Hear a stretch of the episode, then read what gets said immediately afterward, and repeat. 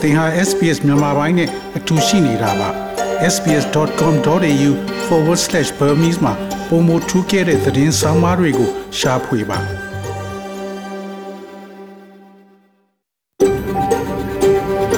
SBS A world of difference You're with SBS Burmese on mobile, online and on radio mobile online နဲ့ radio ပေါ်မှာသင်ဟာ SPS မြန်မာပိုင်းနဲ့အ တူရှိနေတာဖြစ်ပါတယ်သောရရှိမြကျက်စီမင်္ဂလာဖျားဖျားနဲ့ပြည့်စုံတော်မူကြပါစားခင်ဗျာဒီနေ့ဧပြီလ2ရက်စနေနေ့မြန်မာပိုင်းစီစဉ်များကို SPS Radio မှစတင်အသံလွှင့်နေပါရခင်ဗျာဒီနေ့စီစဉ်များကိုကျွန်တော်ကျော်ထွန်းအောင်ခေါ် Terrell အောင်ကတင်ဆက်သွားမှာဖြစ်ပြီးယနေ့ပါဝင်မိအစီအစဉ်များမှာတော့ Australia မှာအခြေခံလူအခွင့်အရေးများမရရှိနိုင်တဲ့လူများလုံးဟု Amnesty International ကပြောဆိုတဲ့ဆောင်းမှာ NUG တရားရေးဝန်ကြီးဦးသိန်းဦးကိုမေးမြန်းထားကံ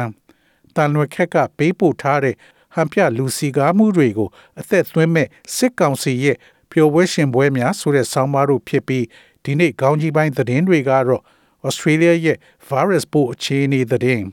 စစ်သည်20ရာခိုင်နှုန်းလောက်စစ်အာဏာရှင်တပ်ကိုစွန့်ခွာနေတရုတ် cyber တိုက်ခိုက်မှုများအရှိန်မြင့်လှုပ်ဆောင်နေ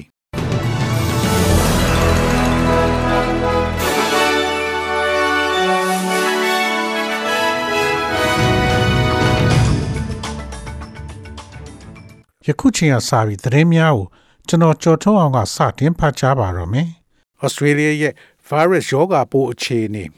ဩစတြေးလျနိုင်ငံရဲ့ထိပ်တန်းပြည်သူ့ကျန်းမာရေးအရာရှိများကအစားထိုးအစီအမံများကိုအကြံပြုခြင်းဖြင့် COVID-19 အနီးကအဆက်အသွယ်များအတွက် quarantine သည်မကြာမီမှာအတိတ်လိုဖြစ်တော့မယ်လို့ဆိုပါတယ်။ Australian Health Protection Principal Committee မှမတ်လ31ရက်နေ့နှောင်းပိုင်းတွင်ကြေညာချက်ထုတ်ပြန်ခဲ့ပြီးအဆိုပါအစီအမံများကို အခမဲ့လျင်မြန်သော antigen စမ်းသပ်ခြင်း အိမ်မှထွက်ခွာသည့်အခါတွင်နှာခေါင်းစည်းများဝတ်ဆင်ခြင်းအိမ်မှအလုံးလုံးခြင်းနှင့်အန္တရာယ်မြင့်မားသောဆက်တင်များကိုရှောင်ကြဉ်ခြင်းတို့ဖြင့်အစားထိုးနိုင်ကြောင်းအကြံပြုထားပါသည်။တစ်ချိန်တည်းမှာတောင်ဩစတြေးလျမှာ COVID-19 သေဆုံးမှု2ဦးရှိပြီးတဦးကအသက်9နှစ်အောက်ကလေးတဦးဖြစ်ပြီးကူးစက်မှုအသစ်9134မှုရှိကြောင်းအစီရင်ခံထားပါတယ်။ညိုဆဝေမှာ နောက်ထပ်သေဆုံးသူ2ဦးနဲ့ကူးစက်မှုအသစ်25,495မှုရှိတယ်လို့မှတ်တမ်းတင်ထားပါတယ်။ Victoria မှာသေဆုံးသူ6ဦးနဲ့ကူးစက်ခံရသူ1424ဦးရှိကြောင်းသိရှိရပါတယ်။ ACT တွင် COVID နဲ့တဦးသေဆုံးပြီး1014ဦးရှိတယ်လို့မှတ်တမ်းတင်ထားပါတယ်။ Queensland တွင်သေဆုံးသူ3ဦးနဲ့ကူးစက်မှု1922မှုရှိကြောင်း သိရှိရပါတယ်။နောက်ဩစတြေးလျမှာသေဆုံးသူ2ဦးနဲ့ကူးစက်မှုအသစ်8932မှုရှိတယ်လို့မှတ်တမ်းတင်ထားပါတယ်။မြန်မာစစ်သည်20ရာခိုင်နှုန်းလောက်တပ်ကိုဆွန့်ခွာဟုဆိုအခုချိန်မှာမြန်မာစစ်တပ်ကိုဆွန့်ခွာပြီးဘယ်ပြောင်းလာတဲ့ တမတော်သားအရာရှိတွေအပြင် CDM စရင်ထဲမှာမပါဝင်ပဲလူမသိသူမသိနဲ့ယာဒူးကနေဆွန့်ခွာထွက်သွားတဲ့တမတော်သားအရေးအတွက်20ရာခိုင်နှုန်းလောက်ထိရှိနိုင်တယ်လို့မြန်မာစစ်တပ်ကိုဆွန့်ခွာလာတဲ့တမတော်အရာရှိတွေရဲ့ပြောကြားချက်တွေကိုအခြေခံပြီး American ခြေဆိုင်မြန်မာအရေးနဲ့စစ်ရေးကျွမ်းကျင်သူဒေါ်မီမီဝင်းဘတ်က RFA ကိုပြောဆိုပါတယ်မြန်မာစစ်တပ်ဟာအခုချိန်မှာ အုံမြစ်ကစပြီးရိမ့်ရိုင်နေတဲ့အခြေအနေကို ရောက်နေပြီလို့ပြောကျင်ပါတယ်မြန်မာစစ်တပ်ကနေဆုံးခွာလာတဲ့တရင်မှုအစင်းလောက်ထိရှိတဲ့တမတော်သားအရာရှိတချို့နဲ့ကျမဆက်သွယ်မေးမြန်းခဲ့ပါတယ်သူတို့အပြောရတရင်တရင်မှာပုံမှန်ဆိုရင်တပ်သား800လောက်ထိရှိပါတယ်အခုဆို150လောက်ပဲရှိနေပါတယ်အဲဒီတပ်သား150မှာ85ယောက်ဒါမှမဟုတ်90ရာခိုင်နှုန်းလောက်ကပဲ တိုက်ပွဲဝင်ဖို့အသင့်ဖြစ်တဲ့အနေအထားမှာရှိပါတယ်တပ်သား800ရှိရမယ်တပ်ရင်းတွေမှာအယောက်80ပဲတကယ်ရှိတဲ့သဘောပါဒီတပ်သား150လောက်ရဲ့80ရာခိုင်နှုန်းလောက်ကလည်းစစ်လိုက်တိုက်လို့တဲ့စန္ဒမရှိကြဘူးလို့ဆိုပါတယ်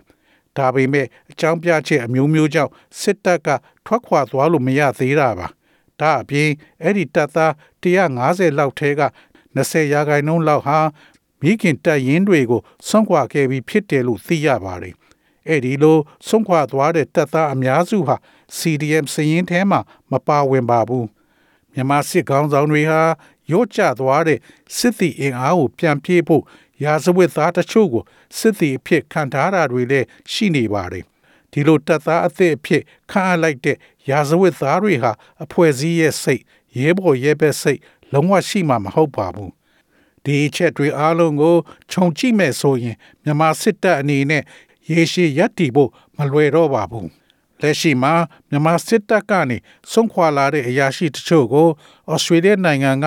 နေထိုင်ခွင့်ပြုလိုက်တာနဲ့ပတ်သက်ပြီးမြန်မာစစ်တပ်ကစစ်သည်တွေပို့ပြီးဆွန့်ခွာလာဖို့အကြောင်းပြချက်ဖြစ်စေမယ်လို့ယုံကြည်ကြောင်းနဲ့အခုဆိုရင်မြန်မာစစ်တပ်ကဆွန့်ခွာလာတဲ့တပ်သားတွေကိုအကူအညီပေးနေတဲ့အဖွဲ့အစည်းတွေကိုဆက်သွယ်စုံစမ်းတာများပြားနေတဲ့အကြောင်းနဲ့သူမကပြောဆိုသွားပါတယ်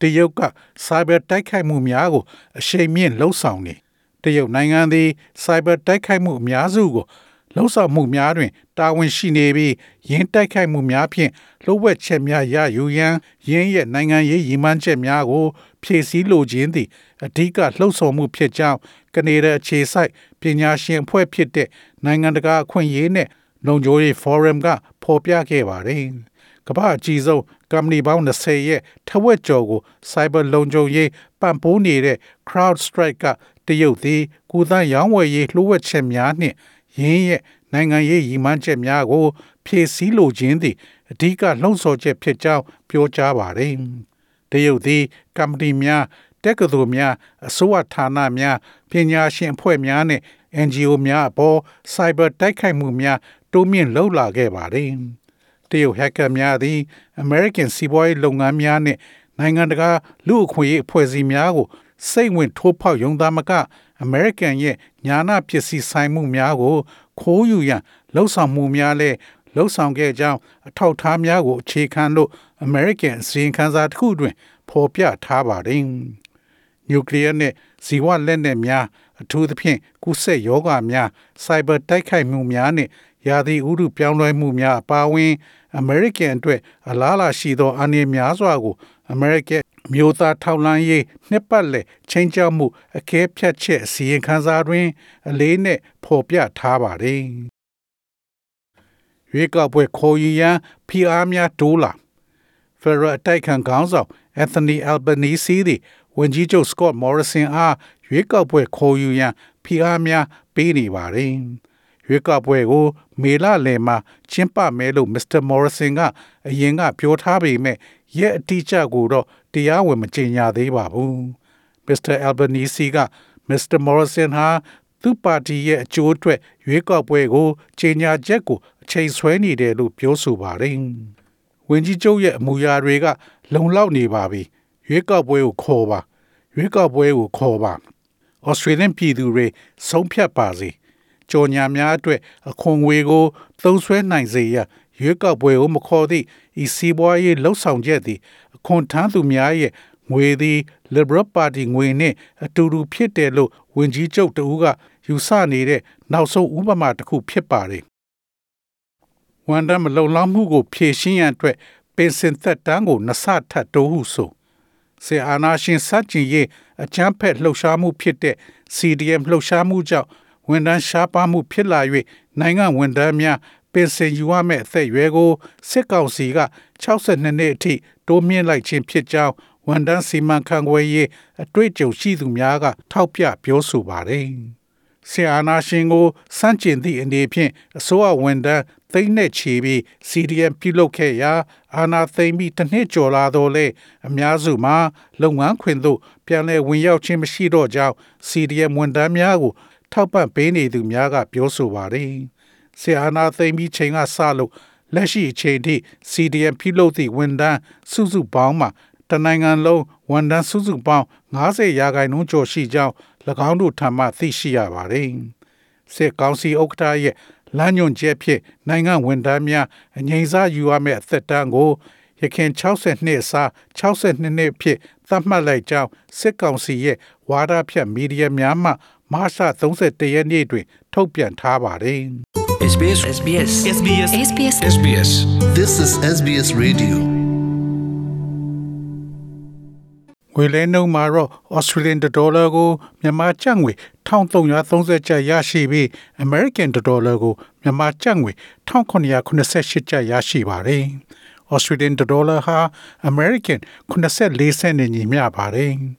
မနေ့ပြန် Australia တိုက်မှာရှိတဲ့မြို့ကြီးများရဲ့မိုးလေဝသခန့်မှန်းချက်ကတော့ Sydney မြို့မှာအပူချိန်29ဒီဂရီစင်တီဂရိတ်ရှိမှဖြစ်ပြီးနေသားမှာဖြစ်ပါတယ်။ Melbourne မြို့မှာ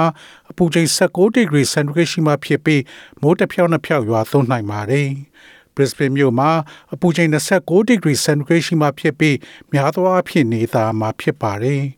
Perth မြို့မှာအပူချိန်28ဒီဂရီစင်တီဂရိတ်ရှိမှဖြစ်ပြီးမိုးရွာသွန်းနိုင်ပါတယ်။ Adelaide မြို့မှာအပူချိန်24ဒီဂရီစင်တီဂရိတ်ရှိမှဖြစ်ပြီးမိုးတိမ်သားများအနည်းငယ်ရှိမှဖြစ်ပါတယ်။ Hobart မြို့မှာအပူချိန်18ဒီဂရီစင်တီဂရိတ်ရှိမှဖြစ်ပြီးညနေပိုင်းမှာမိုးရွာသွန်းနိုင်ပါတယ်။ Canberra မြို့မှာအပူချိန်19ဒီဂရီစင်တီဂရိတ်ရှိမှဖြစ်ပြီးမိုးတစ်ဖြောက်နှစ်ဖြောက်ရွာသွန်းနိုင်ပါတယ်။ Darwin မြို့မှာအပူချိန်34ဒီဂရီစင်တီဂရိတ်ရှိမှဖြစ်ပြီးမိုးတိမ်သားများအနည်းငယ်ရှိမှဖြစ်ပါတယ်။ဤတွင်သတင်းများကိုကြီးညာလို့ပြီးပါပြီခင်ဗျာ။